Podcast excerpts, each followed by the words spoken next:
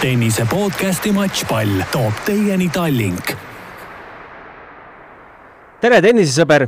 matšpalli podcasti kahekümne teises saates liigume natukene ajalooradadel ja räägime kuldsetest kuuekümnendatest.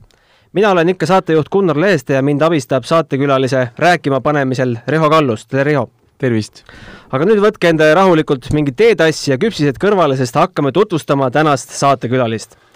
Ta on kahekordne Eesti meister paarismängus, ühekordne Eesti meister üksik- ja segapaarismängus, kuulunud Eesti NSV võistkonda, mis võitis Nõukogude Liidu võistkondlike meistrivõistlustel kulla aastatel kuuskümmend üks, kuuskümmend kolm ja kuuskümmend viis ning pronksi aastal kuuskümmend üheksa. tennisekohtunikuna on ta teenindanud mänge nii Davis Cupil, Wimbledonis kui ka US Openil. jalgpallisõbrad teavad teda kui kunagist TVMK klubi juhti ning Eesti Jalgpalliliidu ametnikku ning kahe tuhande üheksateistkümnendal aastal lisandus tema CV-sse ka Reketi muusikavideos osalemine. tere tulemast stuudiosse, Ants Juhvelt! tere! noh, kui kõrgel äh, kohal see, oli see su filmi debüüt eelmine aasta Reketi muusikavideos või oled varem ka teleekraani olnud? ei, ma ei tea, kas teleekraanil, aga seda Eesti sada tennis, Eesti tennis sada, seal vist sai natukene osaleda. No päris sekundeid kokku lugeda, aga ma, ma julgen öelda, kus kümme või viisteist sekundit said sa ikka eetriaega, kaua te filmisite seda? sa mõtled Reketit? no ikka terve hommikupoole vist aga noh, on räägitud äh, kuldsetest kuuekümnendatest, et ohohoo, mis, milline aeg see veel oli, et äh, tol hetkel, kui te ise need kuldsed kuuekümnendad olid, kas te tajusite ka, et te elate mingil erilisel ajajärgul Eesti tennise jaoks? No ei oska seda öelda, aga päris edukad olime küll, sellest me saime isegi meie aru, nii et mm -hmm.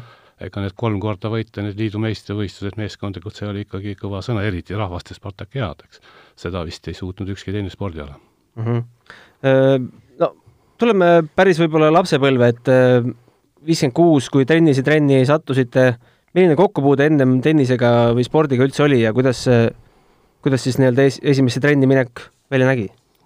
Noh, mina olen sellest generatsioonist, kus oli veel selline asi nagu hoovisport ja siis sai seal kõiki asju proovitud kaasa, arvatud ka äh, tennise moodi, kus sai siis endale saetud lauast, lauajupist endale sellise reketi moodi asi, neid togitud aga tegelikult ma muidugi tennise juurde sattusin varem paar aastat ennem isegi, kuidagi juhuslikult sattusin tenniseväljakutele ja hakkas väga meeldima. mis väljakud need olid siis äh,? Kalevi väljakud mm, -hmm. Siis tookord Suvorovi uuesti, nüüd Kaarli uuestel, kus olid väljakud, tähendab. mitu väljakut tol hetkel oli Kalevis? seitse. seitse väljakut aga need olid ju sellised ajad, kus äh, lapsevanemad ei vaadanud ju oma rahakoti järgi, kuhu last trenni panna, vaid käidi koolides äh, kutsumas jaa, tegelikult siis nii-öelda teine, teine tutvumine oligi, kui treener Kalamäe tuli reaalkooli neljandasse klassi ja sealt siis leidis mõned mängijad. Aga mille järgi ta vaatas, tegi mingit katset siis või? ei, ta tegelikult kutsuti kõiki, kutsuti, aga noh, meil oli muidugi päris sportlik klass oli ja, ja sealt väga mitmed no Õhtulehes on sellised read, et äh, pärast trenni minekut läks kaks kuud aega, enne kui sa mängisid juba Tallinna meistrivõistluste finaalis. jah. kuidas see võimalik on? Äh, see oli D-klassis, eks mm. -hmm. ja no ma ei tea, tähendab, aitas kaasa seesama hoovisport, huvi tennise vastu. ja jah, nii ta läks. muidugi konkurents oli väike, sellest tookord alustati, eks mina alustasin ju siis kümneaastaselt ja oli küll üks natukene vanem, kogenum mees, Peeter Peterson, kes finaalis mind võitis kuus-null, kuus-null. Mhm. ja kaua siis nagu aega läks, enne kui sa said aru, et noh, selle tennisega võib kuhugi jõuda? Ma nüüd ei saa aru, kuhu ma pidin no, jõudma või kuhu ma jõudsin. millal esimesed eh, noorte meistrivõistluste medalid hakkas tulema, mis vanuseklassis? no esimesed medalid said tulla äh, B-klassis, sest et Eesti noorte meistrivõistlusi tehti ainult A-klassis ja B-klassis. ja mina kuulusin küll esimest korda, kui ma esimese medali sain, siis ma kuulusin veel C-klassi, aga nii et viiekümne üheksandal aastal kas oli juba tunda, et see noorte konkurents hakkab kuidagi aasta-aastalt tugevamaks minema seal viiekümnendate lõpus? no seda ma ei julge seda öelda. ikkagi kuuekümnendal ju väga palju mängijaid ja väga palju häid mängijaid kuskilt ju välja ilmus? no ilmus välja, aga nad ilmusid välja niimoodi aasta-aastalt, ei olnud niimoodi, et oleks olnud mõni aasta, mis oleks eriti rikas uh -huh. olnud mängijate poolest noh, võib-olla tuhat üheksasada nelikümmend üks sündinud, seal oli ikkagi terve rida häid mängijaid, kellest muidugi üks on tippmängija, siis Toomas Leius. aga noh, tol ajal ikkagi see oli ju eh, valdavalt mängijatel ikkagi ju hooajaline sport. et ei olnud ju võimalik ju sisehooajal nii-öelda mängida tennist väga. no õigus, väga ei olnud, aga, aga otsiti igasuguseid võimalusi ja noh, eks te olete ka kuulnud neid näiteid, kus noormehed mängisid kella kolme-nelja ajal öösse ja ja ise sai ka, tähendab, üks ainukene tennist, tähendab, sai mängida ainult Dünamo tennishallis, seal üks laudpõrand mm.. ja ega mis seal salata, sai küll laupäeviti ja pühapäeviti seal istutud ja oodatud, ehk keegi ei tule mängima. aga sa teiste eeskujul nagu ööseks sinna kuskile põranda alla ei peitnud ennast? ei no ma ei olnud Kadrioru poiss, jah et on ka selliseid juhtumeid, kus äh, lasti siis tuled kustu panna ja kui turvamees oli läinud või kes seal iganes korda hoidis, siis äh, tuldi välja ja mängiti öö läbi? ja, ja need olid konkreetsed mehed, kes olid. aga kellele sa omal ajal niimoodi väiksena alt üles vaatasid, kes oli sinu tenniseiidol, sest äh, Toomas oli siis ju neli aastat kõigest noore, kõige vanem sinust, et Toomasele päris algusest vast ei, või ei teadnudki, et niisugune mees olemas on? no ikkagi väga kiiresti sain teada, sellepärast et tuhande üheksasada, mis oli siis, viiskümmend seitse või millal see Toomas tuli uh mhm. -huh.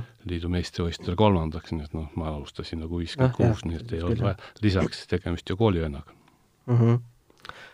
Kuuskümmend üks äh, tuli siis esimene suur läbimurre, kui sa said N Eesti NSV Liidu koondisse, kuidas, kuidas see koondisse saamine välja nägi, kes sind märkas, kes selle koondise kokku pani? ei, see oli väga lihtne, sellepärast et see noh, meestest oli kuus meest pidid olema, nii et siis oli ja pluss kolm noort ja noh, mina sattusin selle kolme noore hulka.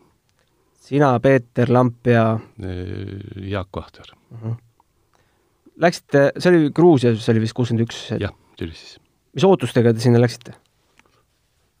no ootustega lootusega ikka hästi mängida, aga noh, et ära võita seda turniiri nüüd, nüüd päris, päris sellist eesmärki küll ei olnud, jah. millal see eesmärk äh, tekkis või silmapiirile? noh, siis oli, seal oli niimoodi, eks, nagu play-off süsteemis, eks, ja, ja kui jõudsid sinna poolfinaali ja võitsid poolfinaali, jõudsid finaali ja nii ta läks. kui suur šokk see ma ei, Nõukogude Liidu nende tippmeeskondadele, Moskva meeskonnale ja teistele oli, kuidas te seda tajusite? ei tajunud, ei. tähendab, ega tennise, Eesti tennisel on ikka väga pikaajaline autoriteet Nõukogude Liidus oli, nii et seetõttu ega keegi eriti ei imestanud uh. Mhm. -huh. tõite ka mõned võidupunktid ära? ma usun küll jah, sellepärast vähemalt esimestes ringides ma nüüd finaalis ma, mulle küll tundub, et ma kaotasin, sest ma olin seal muidugi jälle väga noorukene, sest et noh, teistpidi olin kuni kaheksateist, mina olin siis kuusteist uh. -huh. ja kordasite siis seda saavutust kuuskümmend kolm ja kuuskümmend viis, need enam nii suured üllatused ei olnud?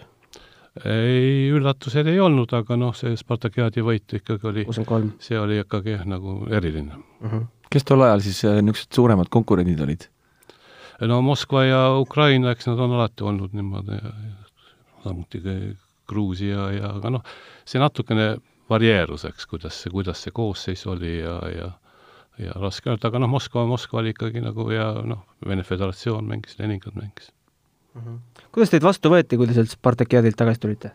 mulle meenub, et kenasti võeti vastu, ikka oldi ikka rongil vastas ja, ja midagi räägiti seal ja, ja noh, midagi nagu toimus, aga noh mm. -hmm. aga tegelikult muidugi see foon oli ikka väga positiivne, nii et ka hiljem, mitte nüüd ainult seal jaamas, vaid ka hiljem ikkagi nagu peeti nagu meeles ja märgiti ära mm. -hmm. kas toona ajakirjanikud ka vastas käisid? pidite mingeid intervjuusid jagama? ei, ei, mina küll vähemalt ei pidanud, võib-olla Toomase käest keegi küsis midagi mm. -hmm. sest Toomas tuli, kui me tagasi tulime, siis ju Toomas tuli ka esimest korda siis Nõukogude Liidu meistriks üksikmängus mm. Kuuekümnendatel, milline see tennise, Eesti tennise miljöö või äh, olustik oli, noh, selline mulje jääb küll, et mängiti ikka hommikust õhtuni ja, ja kõik olid ühel väljakul koos. sest tänapäeval on kõik eri nurkades äh, globaliseeruvas maailmas, kes harjutab Tartus, kes äh, Hispaanias, et äh, no ei saa nüüd öelda, et, et, oleks Tallinnas ainult üks tenniseväljaku olnud ikkagi. võiks niimoodi öelda, et meil kaks nagu tenniseklubi oli, Dünamo ja Kalevi ja seal oli need jagunenud, eks niimoodi ja, ja noh, väljakuid oli ka Kalevil juba kahed väljakutööd olid siis seal niinimetatud see Suvorov puiesteel ja teine oli siis Erne tänaval. sa olid Kalevi või Dünamo mees mina? olin Kalevi. oli siis printsipiaalne vastasseis Dünamoga? no ma ei ütleks, et see printsipiaalne, aga noh, natukene ikka vahet tehti, jah. Äh, sellist omavahelist äh, pukslemist, lõõpimist oli ka? Noh, igasugust oli, aga tegelikult muidugi ma ütleksin ikkagi väga, väga sõbralikult ja ja, ja need Dünamo mängijad, eks, olid nagu minule nagu rohkem eeskujuks, nad olid must kõik nagu vanemad. alates seal Erik Edars ja Jaak Parmas ja nii edasi. sa saavutasid väga palju edu äh, paarismängus, sobis see sulle kuidagi paremini? paremad? võib-olla, jah. ja just eelkõige Peeteriga koos? No Peetriga koos me tulime liidu meistrivõistlusele ja noh, Peetriga me koos nagu palju mängisime, olime nagu ühevanused ja, ja sellest üksikmängus äh, tunned, et äh, sul lagi jäi võib-olla saavutamata? sul tuli kuuskümmend viis vist mingi tervisehäda vahele? ei noh, kuuskümmend viis jah, oli, oli seal küll üks niisugune probleem, et tal läksin, tehti mul mandlilõikus ja, ja noh, ega ta nüüd eriti meeldivalt ei kulgenud, aga aga noh, endal oli ikkagi nii palju tahtmist ja rumalust, et vist teisel päeval hakkasin seal keskhaiglas ühe jala pealt treppidest üles hüppama ja noh, hüppasin kohale, siis pärast siis olin kolm või neli nädalat olin. hakkas veri, verd hakkas lihtsalt, enam ei saanud kinni sealt operatsiooni järgselt, nii et tehti vereülekandeid ja see nagu kindlasti kasuks ei tulnud. ometi nelja aasta pärast olid Eesti meister no ega ma nüüd seal nüüd nii siis suremas ka ei olnud, aga, aga raisku läks järgmine see talvehooaeg uh. -huh. aga milline mängija sa olid? Toomas Leiusega täna, täna rääkisin, ütles, kiitis väga sinu tennise IQ-d. peaga mängija. no kui jalad ei jaga, siis pea jaga või vastupidi, eks. et ei olnud kõige atleetlikum? jah, ei, ei, ei saa kiidelda sellepärast, et vastupidi, et tuleb meenutada, et kui me seal jooksime tüdrukutega kuuskümmend meetrit, siis ma sain ikka nende käest üks kümme meetrit tahapoole, aga tõsi, need tüdrukud olid ka ikka äärmiselt kiired, eks ma ütlen siin Tiiu Soome ja Mari Kull, need tegid ilma Tallinna kergejõustiku meistrivõistlustel ka. no kui sa vist äh, proovile said panna, nende vastu olid vist need äh, Nõukogude Liidu meistrivõistluste kehalised katsed, kurikuulsad. jaa, need olid jah. mis Ja-, mis seal tegema pidi? Seal oli vaja kolmkümmend meetrit oli vaja joosta, oota kaugushüpe oli, pallivise oli, siis äh, oli vaja käte üles tõmbama kangil ennast ja, ja kas ma kõrgushüppe ütlesin või? kõrgushüpe oli mu- jah, see oli muidugi kõige toredam, kui grusiinlastel oli üks niisugune mängija, Niniko Toharelin, kes oli niisugune ma ei tea, meeter kolmkümmend viis või midagi niisugust, oli pikk, siis ta pidi ületama meeter kümme kõrgushüppes ja no kuidagi ei õnnestunud. Äh, iga see ala tulemus läks siis kirja või mingi punktisüsteem? ei, sa pidid kõik normid ära täitma. piisas, et sa ei hüpanud see kõrgust üle ja sind võeti maha. minu meelest kuuekümne esimesel aastal meil ka üks mängija võeti maha, vist ei jooksnud piisavalt kiiresti. mm. -hmm. aga selle jutu järgi tundub, et ikkagi tol ajal üldfüüsilisele pandi kõvasti rõhku.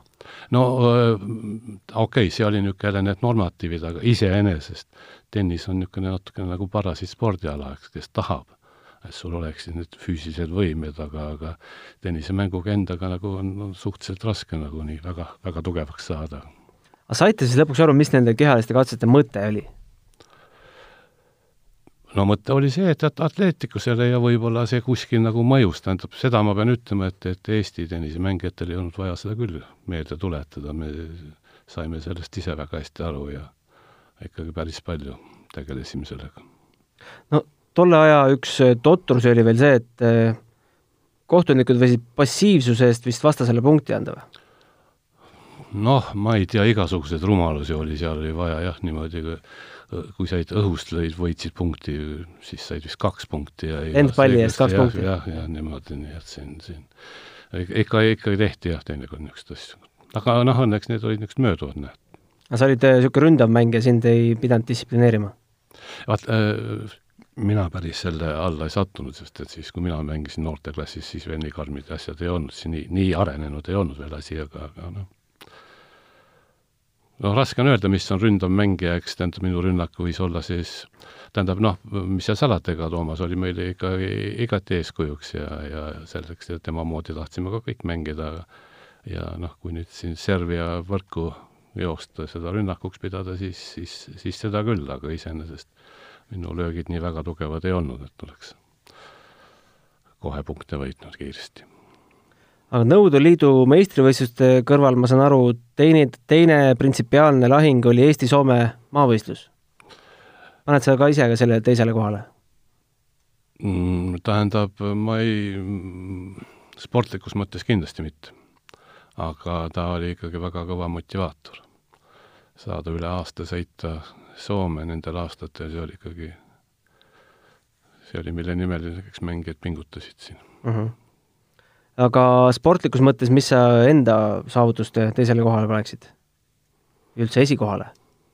no ma ei tea, no ega, ega seesama nimetatud Eesti meister on mulle ikkagi väga tähtis ja noh, lisaks sellele võib sinna panna, et noh, nii-öelda Ida-Saksa lahtiste võitja ja ka Poola lahtiste meister olen, nii et ja noh, tähendab niimoodi, kui nüüd mu sulgi näidata, siis minu, tähendab, minu jaoks oli väga oluline, oli niisugune võistlus nagu Kalja Kapp, eks uh. -huh. sest see oli nagu niisugune reaalne ainus võimalus ka kuhugi nagu siis välismaale saada ja mängima minna ja, ja ja me kahjuks jäime teiseks sellel võistlusel. kes seal tol ajal osalesid, mis riikidest mängijad või? no Euroopas oli Euroopa. Euroopa ikka oli Euroopa, Euroopa ja alla kahekümne aastast mm. -hmm. ja noh, kaotasime Tšehhile, kes, kus mängis Jan Kodes, kuidas toona üldse valiti turniire või kuidas te üldse nendele pea, peale pääsesite, ei olnud, ei olnud ju sellist punktisüsteemi, nagu praegu noored alustavad ITF tasemelt Challenger, ATP, et kes seda määras, kuidas, mille järgi see käis? no jumal seda teab, tähendab äh,, oleneb, millisest turniirist me räägime. No üksikmänguturniiridest, noh, seesama Saksa TV meistrivõistlus, no kuidas? sinna, sinna saadeti, eks Nõukogude Liidu nii-öelda noh, nimekiri, nimekiri ja mm., ja, ja kes seal, kes, kes sinna läksid ja, ja me läksime ja noh, saadeti need kolm noormeest, kes olid nagu Kalja Kapi kandidaadid ja kes olidki pärast meeskonnas uh. -huh. aga tennisistide tasustamine, kuidas see käis? Te pidite ju millegi eest elama ka? Noh, me olime ikkagi kõik stipendiaadid. see tuli siis Moskvast ümbrikuga? ei, Moskvast ta nüüd ei tulnud, aga, aga neid olid erinevaid, erinevaid võimalusi oli, eks, ja, ja noh, siin Dünamo süsteemis olid need võimalused veel laiemad aga noh, mina konkreetselt sain, oli niisugune asi nagu üleliiduline ametiühingu stipendium mm. -hmm. summasid ka mäletad, elas selle eest ära? noh, mul vist pole kunagi nii palju raha olnud, kui ma algul hakkasin saama kuuskümmend, kuuskümmend, kuuskümmend rubla, mida noh, see oli kuuekümne viiendal aastal, kus mind nagu praktiliselt kodus ei olnudki, nii et ma tean, et see Kalevi raamatupidaja oli minu peale väga pahane, et, et miks ma ei käi palga järgi. see oli suur raha ai, ta nüüd nii väga suur raha ei olnud, aga, aga ütleme siis niimoodi, et et kulutused olid väiksed, sest et noh, võistlustel, eks ju, toideti ja, ja kõik niisugused asjad. või olemas. jah, nii et, et kulud olid väiksed. Davis Cupi meeskonda pääsesid ka ühe korra? ei. varumehena? ei. okei okay.. kuskil ajaloo annaal, annaalides on, oled sa kirjas varumehena? ei, Davis Cupis ma kindlasti. aga ikkagi seitsmekümnendate alguses, miks sa, miks sa lõpetasid? teised sinuealised panid veel natuke edasi? noh, jah. Ma arvan, et ke-, kellelegi tundus, et, et ma lõpetasin kuuekümne kaheksandal aastal Tallinna Polütehnika Instituudi. keegi võib-olla arvas, et ma nagu siis oma erialal nagu olen nagu kasulikum kui, kui, kui tenniseväljakutel. ja, ja noh, praktiliselt vist kolm päeva enne, kui ma ülikooli diplomi sain, mul siis nagu stipendium võeti ära. kuuskümmend kaheksa võeti stipendium ära? No tol ajal oli ikka kakskümmend viis oli väga raske, no väga, väga kõrge vanus, mina olin siis eks kakskümmend kaks, aga noh, nii juhtus. aga paar aastat veel punitasid? jaa, ikka, ikka, ikka, ikka, ikka sellepärast, et see treenitus oli ju ikkagi taga ja see kestab ikkagi mõni aeg ja ega ma siis ikkagi ju mängisin ka, ega ma ei visanud reketit nurka või taga, aga, aga see oli selles mõttes nagu niisugune kriitiline, kas ma noh, mul olid omad plaanid, eks ma tahtsin esimest korda mängida niimoodi ilma ülikoolis käimata ka, et, et saaks sada protsenti pühendada tennise peale, tennisele, aga noh, läks teisiti mm. -hmm. kas Eesti-Soome maavõistluse ärakadumine seitsekümmend üks sai lõplikuks kaalukeeleks? Ehm, see oli väga oluline, jah, see oli väga oluline, ta, kas ta nüüd lõplik oli siin, siin no mul, tähendab, Nõukogude armee arvas hirmsasti, et, et, et ta tahab mind saada oma ridadesse. aga ma ei olnud sellest väga vaimustatud ja siis selgus, et, et on siin niisugune tervisega mingisugused probleemid ja, ja siis, siis mind nagu kuulutati rahuajal mittekõlblikuks ja, ja ka kuna sama, sama arst pidi andma ka loa tennisevõistlustel osalise, osalemiseks, siis, siis ta nagu ei saanud nagu mõlemat asja teha. palju sa Leiuse Toomasega omavahel mängida said? no suhteliselt vähe. ikkagi, tema ikka erinevatel kohtadel või niimoodi erinevatel turniiridel mängis, tema ikka mängis ikkagi suhteliselt palju välismaal ja, ja Eesti meistrivõistlustel jah, ei, ma, ma olen temaga vist kaks korda mänginud. Leius mäletab, et võistlustel saite vist paarismängus rohkem mängida? Äh, jah, me ükskord mängisime koos Poolas, Poola lahtistel meistrivõistlustel mängisime koos. aga, aga, aga noh, mängitud sai palju ja, ja noh, väga palju aitas kaasa, vaata kuuekümne kolmandal aastal enne siis seda rahvaste spartakiaadi oli meil Tartus laager. Ja, noh, laagriprogramm oli nagu ikkagi kaks korda tennist ja, ja, ja siis füüsiline ettevalmistus ja pärast õhtusööki. siis minul on siiamaani, miks Toomas ja Jaak tulid meiega, Peeter ja minuga mängima, siis me mängisime veel paar tundi õhtul veel niisugust seda paarismängu ja noh, see, see, need treeningud andsid ikka kõvasti juurde.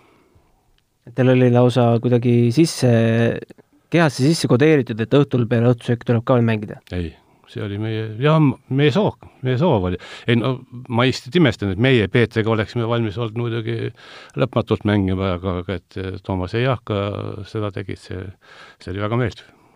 Toomas mäletab ka mingit testvõistlust Moskvas, kus äh, Toomas oli siis päev otsa seal mängijaid loputanud ja siis õhtul sina viimase mängijana viisid ta viiendasse setti jah, ükskord oli niimoodi küll, jah, ma vist kaks-üks olin isegi settidega ees, kas ta nüüd päev, ma ei saa aru, mida ta nüüd seal päev otsa lõputas, eks, aga see oli niisugune liidu tugevamate turniir, mingi vist kaheksa mängijat olid ja ja mina olin siis seoses selle Kaalia kapiga nagu sinna kutsutud ja, ja, ja siis jah, ma seal, seal olid situatsioonid ja jäi, jäi rabak löömata ja rabak, rabak jäi puudu siis võidust? ei noh, võidust ei olnud, aga võib-olla ma tulen, mulle meenub paremini, kui tegelikult oli, aga ma arvan, et ma juhtisin kaks-üks settidega neli-kolm.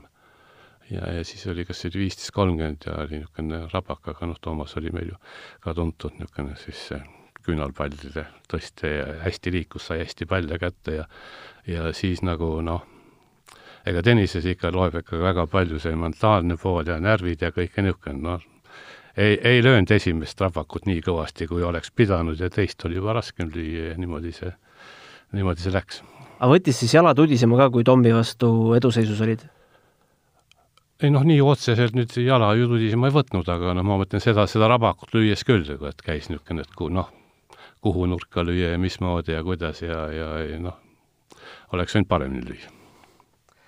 sind kiidetakse kui väga head äh, malemängijat noh. kas male oli midagi, mida te laagrite ajal no Tooma, Toomasega me mängisime jah, ega teist, teistega me malet ei mänginud, aga, aga aga mulle mängis, tähendab, mulle meeldis malemäng ja nii-öelda väikse lapsena ikkagi tahtsin, tahtsin malet mängida ja aga noh, heast mängijast olen ma muidugi kaugel.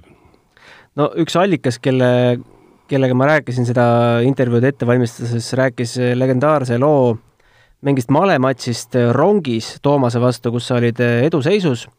Ja siis Toomas võttis äh, tund aega mõtlemisaega ühe, üheks käiguks ja lõpuks pistsid talle käe pihku ja kuule, Tom, teeme viigi. no ma ei tea, kus see nüüd täpselt oli, aga Jüri, kadunud Jüri Põlda ja, ja nagu kasutas seda viik igavese mõtlemisega, niisugust terminit, aga noh, normaalne, mängisime malet, ükskord üks võitis, teinekord teine võitis võib-olla mina rohkem, aga see pole ka tähtis üldse. jõuame sinna kohtunike aastastesse, et kuidas, kuidas see kohtuniku huvi üldse tekkis või võimalus? noh, see nüüd kuidagi ilusti tähendab, ega rohkem nagu ikka pandi, eks. juba noore, noore poisina ikkagi oli kohtunikke vaja ja kohtunikke ei olnud võtta kuskilt ja siis, siis lihtsalt pandi ja, ja selle eest võib-olla mingisuguse talongi või midagi anti ja nii et niimoodi see, niimoodi see hakkas mm. -hmm. aga ikkagi pukki ei surutud? ikka see..., ikka pukki, aga tol ajal, tol, tol ajal nagu eriti palju nendel turniiridel, millest ma räägin praegu, seal nagu joonekohtunikke ei olnudki üldse.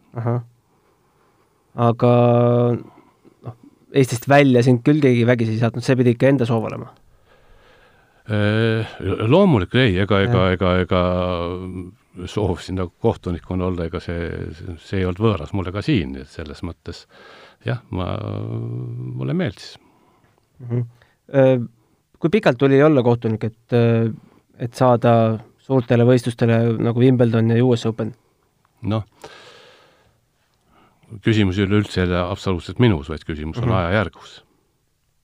sellepärast no niimoodi lihtsalt rehvas, et mina olin siis esimesi, kes, kes Nõukogude Liidust nagu hakkas käima nendel võistlustel, aga, aga äh, see on seotud paljude muude asjadega ja eelkõige võib-olla selle, sellega, et Moskvas hakkasid toimuma need Kremli kapi võistlused nii meestele kui naistele.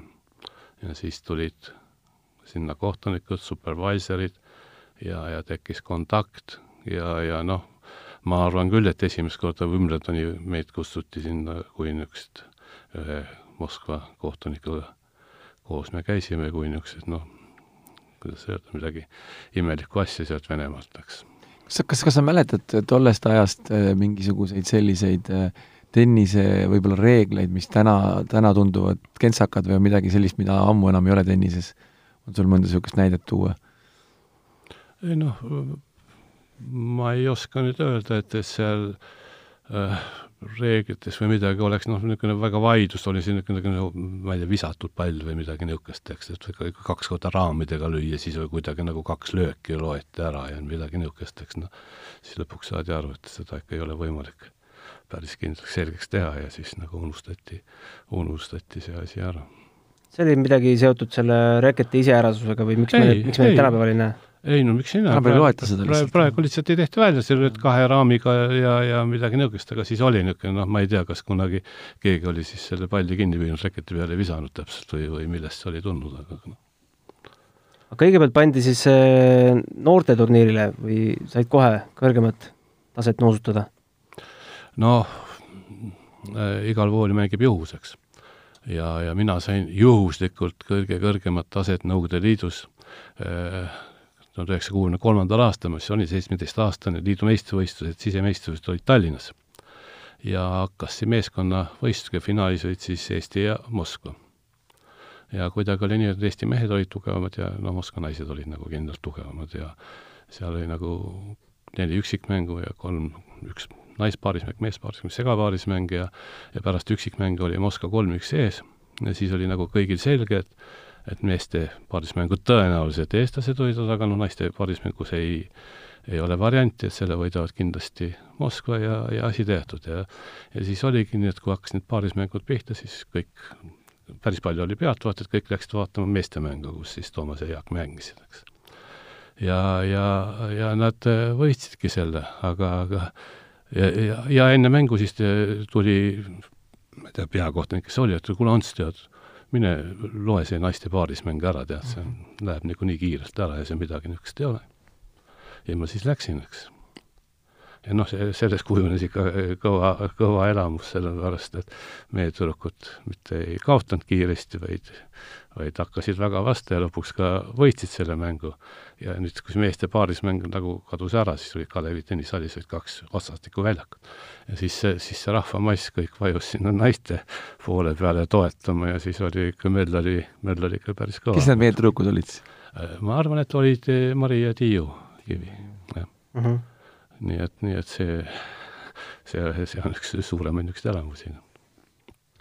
aga Wimbledoni juurde tulles, et äh, milline see Wimbledoni õhkkond toona oli, et kui ei olnud sellist massiivset meediakajastust nagu noh, see on ikka, oli ikka klassikaline turniir, see oli ikka tennise tippude tipp. jah, ta on seda no, si täna ka. tänapäevani, aga kuida-, kuidas sa ise seda tajusid? noh, said sa aru, et sa oled kuskil erilises kohas? jaa, ei no ma käisin seal, varem olin, käisin ükskord turistina ja siis ma sain aru ja siis, siis ma tundsin, et see on nii väga, väga õnnetult, kui peaväljakul, ma ei tea, kas meeste poolfinaal käis ja ise ei pääsenud sinna lähedalegi ja niisugune, et see oli nagu väga harjumatu tunne, olid ikka harjunud, et saad ikka igal pool. juba siis oli see keeruline? ei noh, kogu aeg on keeruline, sellepärast et need piletisabad ja see, see ei ole väljamõeldis, eks, ja nii et see on, see on tõesti nii, et loomulikult ta on tennise, tennisepühamu ja ma ei ole küll nüüd tükk aega käinud, aga ma arvan, ta on täna täpselt samamoodi. Aga lõpuks said siis neid äh, otsustavaid mänge joonekohtunikuna? jah, ja no päris otsustav, kuni poolfinaalini, tähendab kuni reedeni, laupäev, pühapäev, kui on finaalid, siis noh, see oli niisugune eriline au, kes sinna said ja, ja kohalikud klubi liikmed kõik? põhiliselt jah, ja vist üks või kaks välismaalast ja ameeriklast vist olid, aga muidu oli, noh, see, see, see oli jah, niisugune au küsimus. Mingeid äh, eredamaid hetki või mingeid eriskummalisi juhtumisi nende Slami turniiri kohtunike aastate jooksul ka juhtus?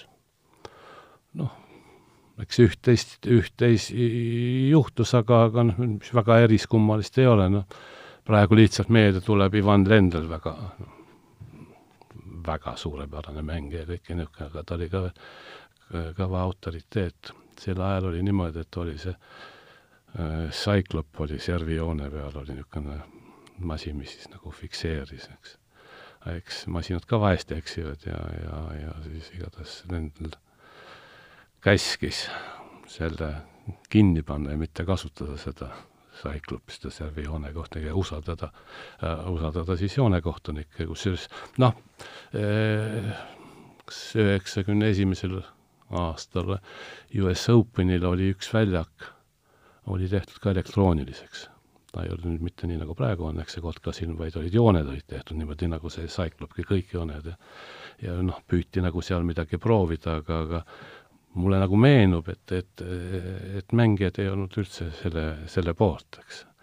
Et ikkagi pidasid, et see, see inimlik faktor nagu see on ka osa, osa tennisest ja noh, no te olete kursis selle kuulsa varriga, mille suhtes ju ka on, eks, erinevaid, erinevaid arvamusi, aga noh, samas kui me tuleme selle kotka silma juurde, siis see on ju kõige parem variant, eks, minu meelest aga kas äh, mängijad pidasid kohtunikest rohkem lugu, kui nad seda teevad tänapäeval, kui me näeme, et noh, kohtunikud saadetakse ikka väga pimedatesse kohtadesse? noh, eks ikka igati asju juhtus ja eks John Mac-, John McEnroy'st olete ka kindlasti kuulnud ja ja noh, no seal ikkagi juhtus igasuguseid asju ja kui nüüd kohtunike seminaridel vaatasime neid videosi ka, siis noh, kümnest videost kaheksa oli nagu siis, siis McEnroy'ga seotud, aga väga sageli oli McEnroy'l alguses õige. See oli inetu, kui ta neid karafine ja reketit seal purustas, eks, aga aga hakkas see pihta pallivahetuses, kus tegelikult McEnroy'l oli õigus, kohtunik eksis mm. -hmm. no väga kuum teema on tänapäeval tennises äh, kihlveopettused, kas äh, toona ka mingit sellist sahkermahkerit tehti? ei, ei ole, ei, ei, ei, ei kuulnud ja, ja tähendab, oli selliseid üllatuskaotusi küll teinekord nagu on, aga, aga, aga see, see võis olla ikkagi seotud selles mõttes pärast pikka ja suurt turniiri, eks lihtsalt mängijad, see on ikkagi noh, kujutlematu pinge on, eks, kus nädal nädala kõrval, eks, pead mängima neid turniire ja kõike niisugust ei ole, ei ole ju ime, et, et siis nagu kuskil väsid nii füüsiliselt või noh, väga tüüpiline, vaatad praegu, eks see Sofia Keninit, eks noh, võitis Austraalia lahti nüüd kaks järgmist turniiri, ei saa vist esimesest ringist kõigiti edasi mm. -hmm.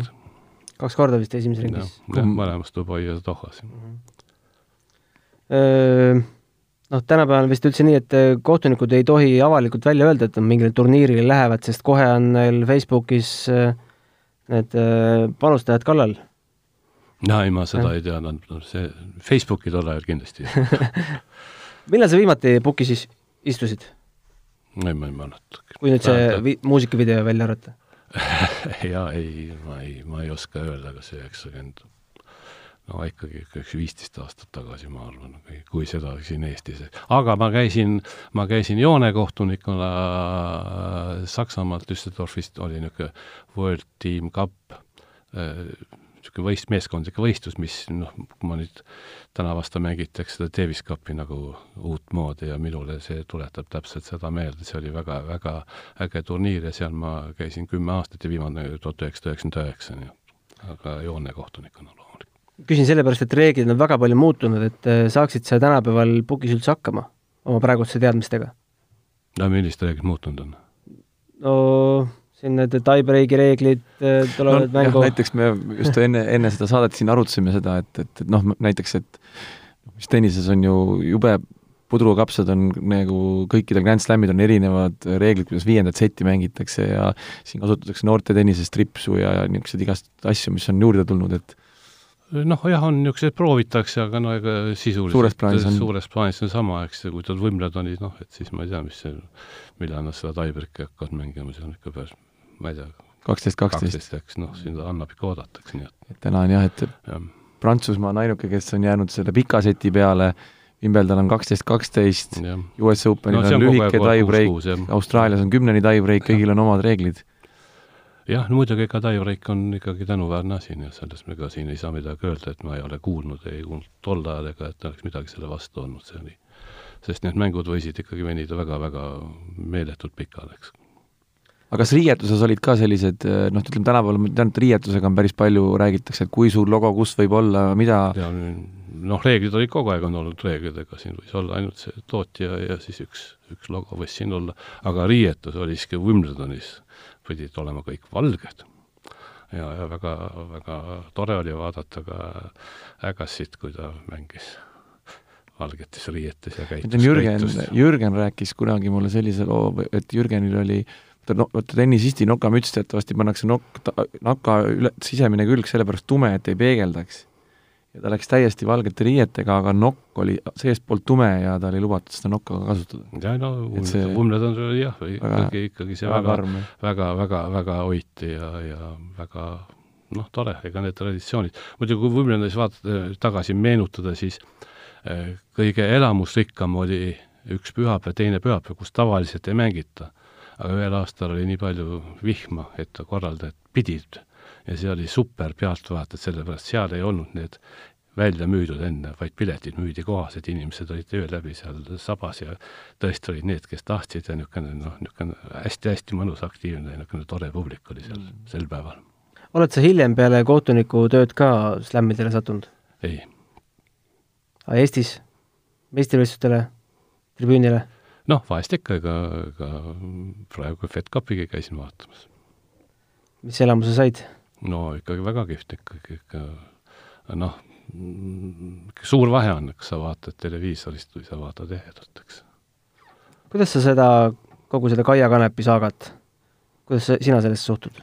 ma ei tea täpselt uh. -huh. Mis... no keegi ei tea täpselt? jah, ma, ma sellepärast ei, ei, ei, ei saagi suhtuda, sellepärast et need asjad ikkagi noh, nemad isegi, mõned väga vähesed inimesed ilmselt teavad seda asja ja, ja, ja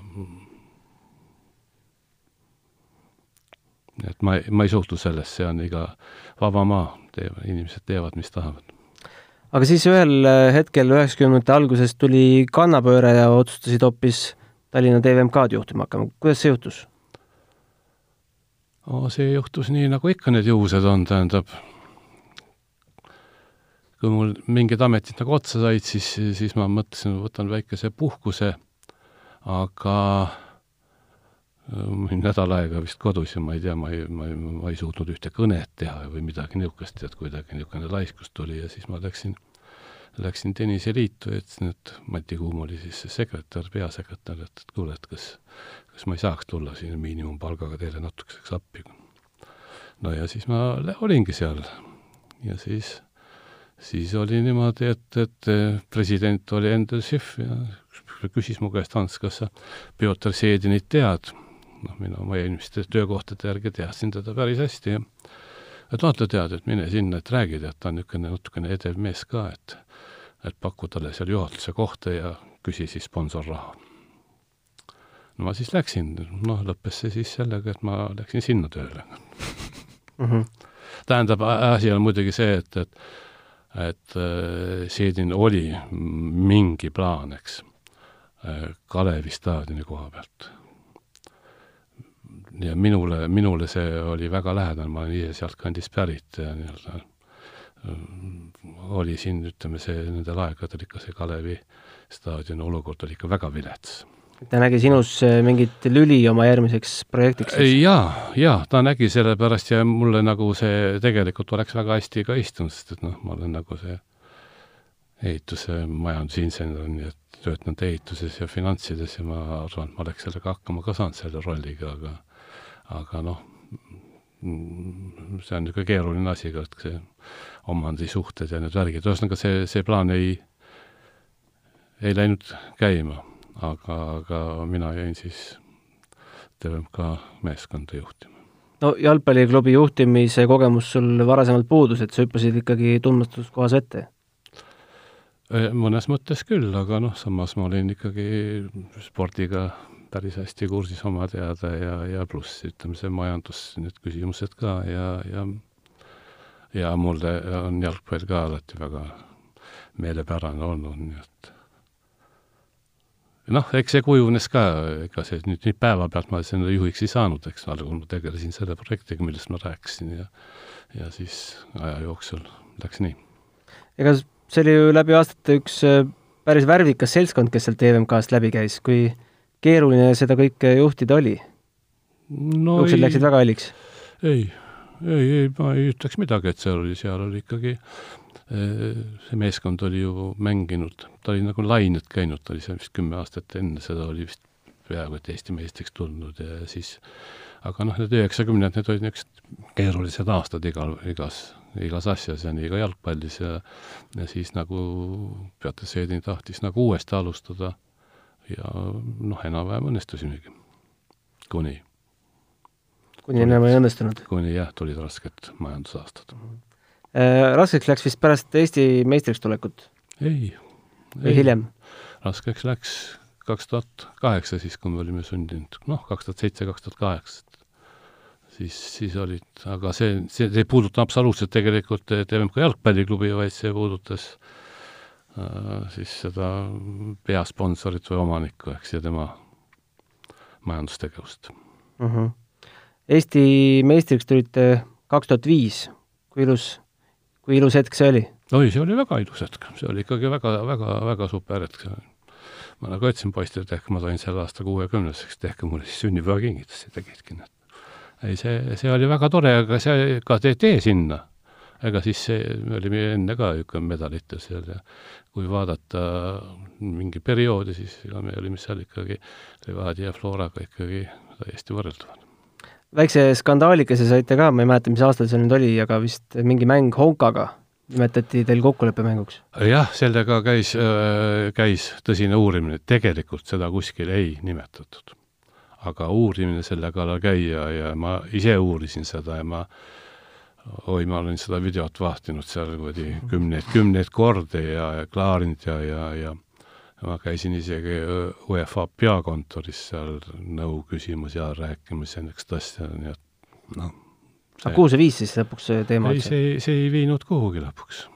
sellepärast, et e, ega ma räägin, seda ei tunnistatud ametlikult kunagi, et see oleks olnud, aga oli, oli väga, väga suur kahtlus, eks ja noh, eks äh, hakkasid vaatama, kas enne oli midagi niisugust ja kuskil, kuskil võis midagi niisugust olla, aga, aga ega seda, seda noh, te olete kindlasti kursis, seda ei ole ka väga lihtne tuvastada.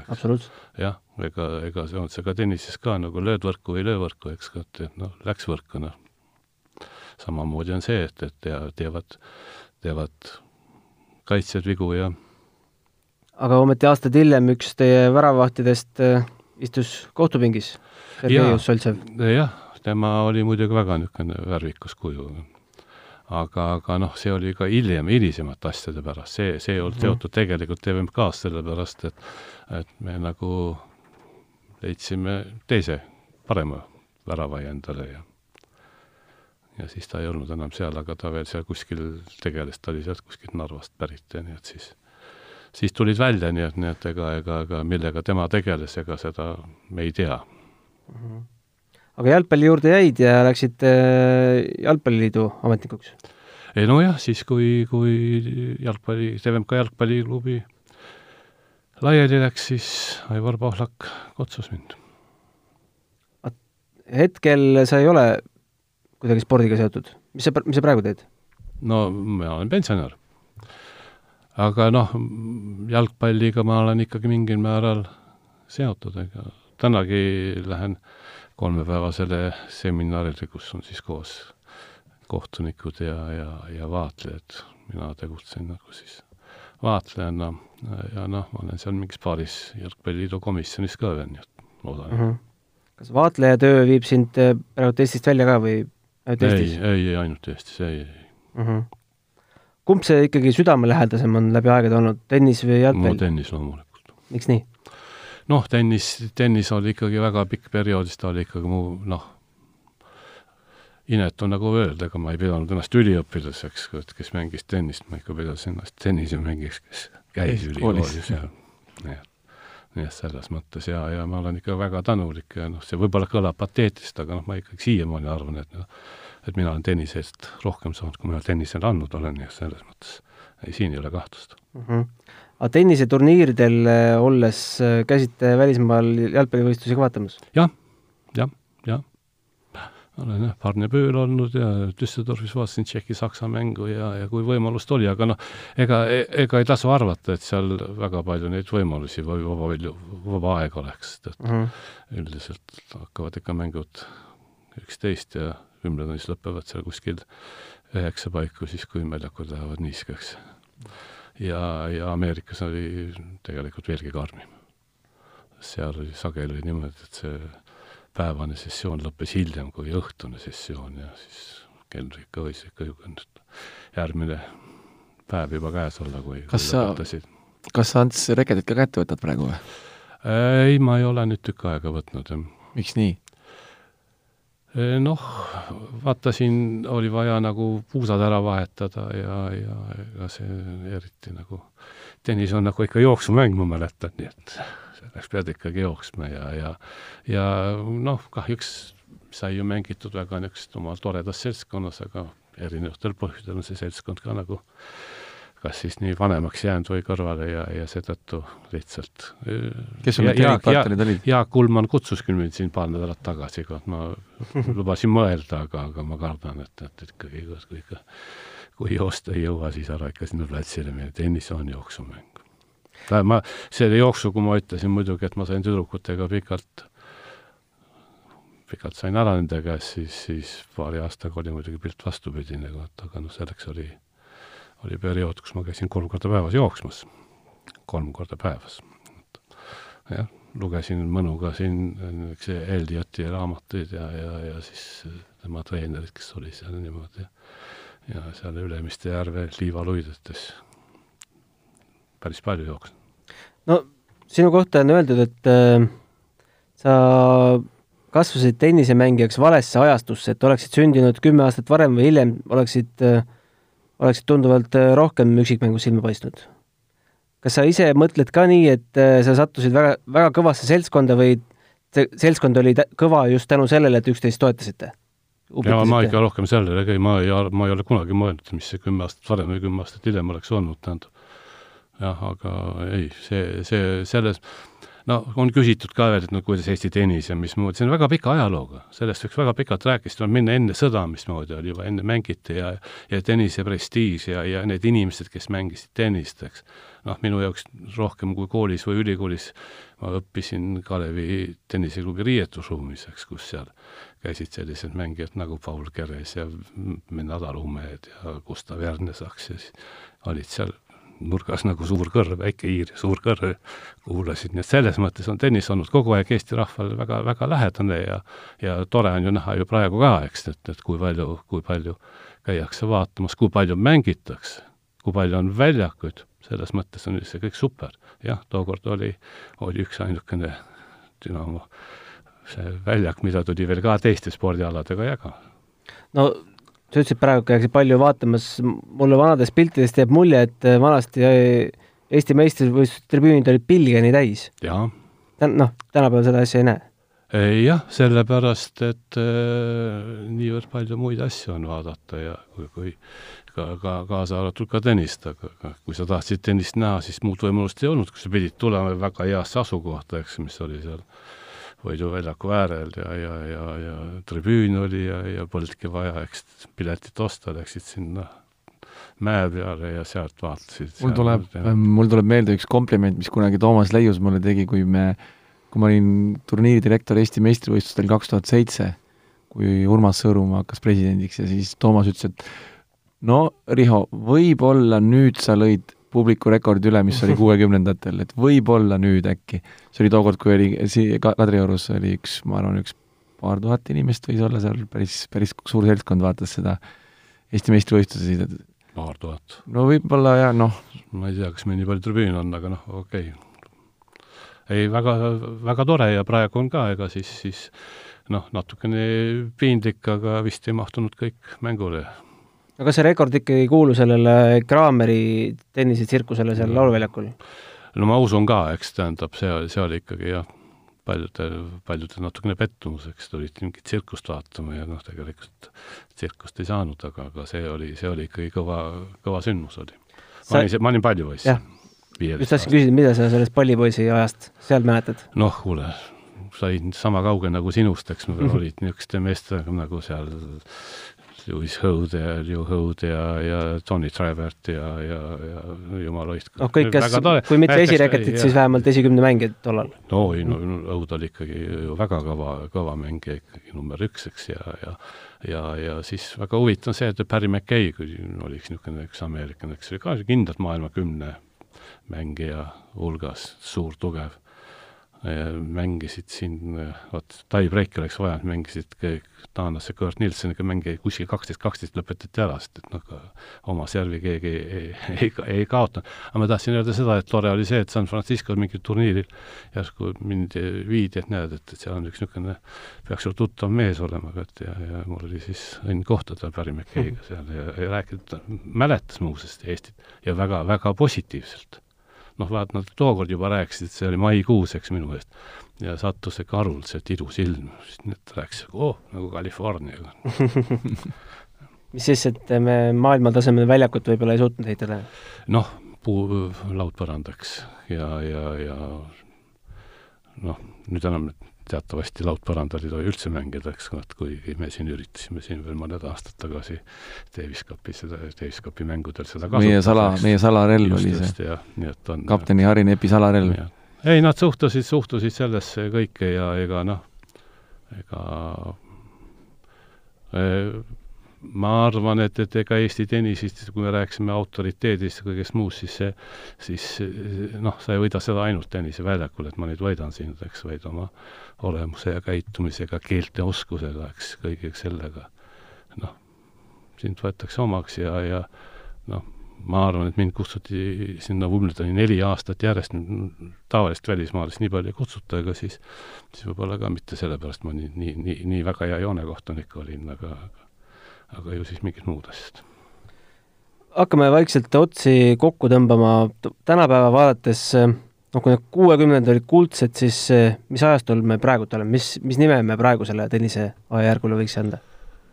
no väga, väga, väga kõrgel tasemel on, tähendab, tennis ja ega kui, kui meil on ikka kaks mängijat, eks on saja parema naise hulgas, siis see on ikkagi väga kõva sa-, sõna ja ja noh, Jürgen oli siin hiljuti ka veel, eks niimoodi on, aga aga, aga ma ei oska, tähendab, need hind pannakse, ajastud nimetatakse ikkagi hiljem, eks.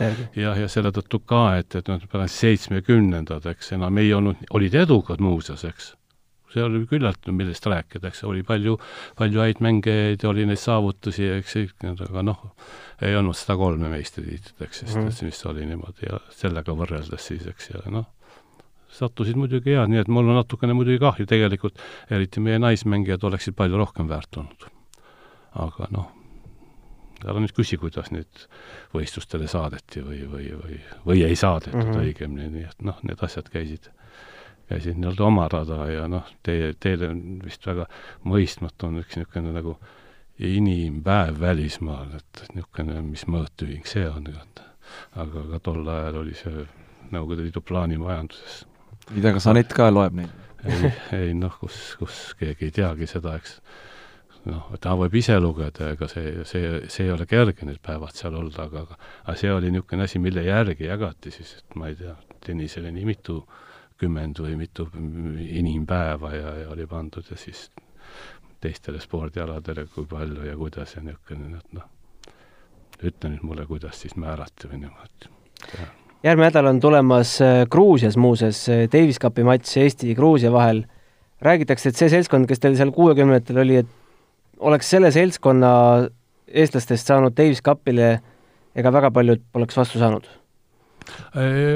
Jah, ma, ma usun küll, et, et oleks ikkagi päris, päris, päris hästi on, noh, kui niimoodi spekuleerida, siis ma kujutan ette, et kui oleks veel niisugune võistkond, kus oleks mehed ja naised olnud, mõlemad, noh, ütleme neli meest, kaks naist või midagi niisugust. noh, Hopman Cup või mingi niisugune noh, seal on jah, üks-üks, eks praktiliselt jah, aga, aga, aga nüüd just rohkem, eks, sest et siis, siis ma arvan, et me oleks ikka Euroopas väga kõrge kohal olnud, sest et olid riigid, kus olid meesmängijad paremad, olid riigid, kus olid naismängijad paremad, aga polnud jälle mehi ja niimoodi vastupidi, nii et siin, siin ma arvan, julgen arvata küll, et no kümne hulgas oleksin kindlalt tõenäoliselt kuue hulgas.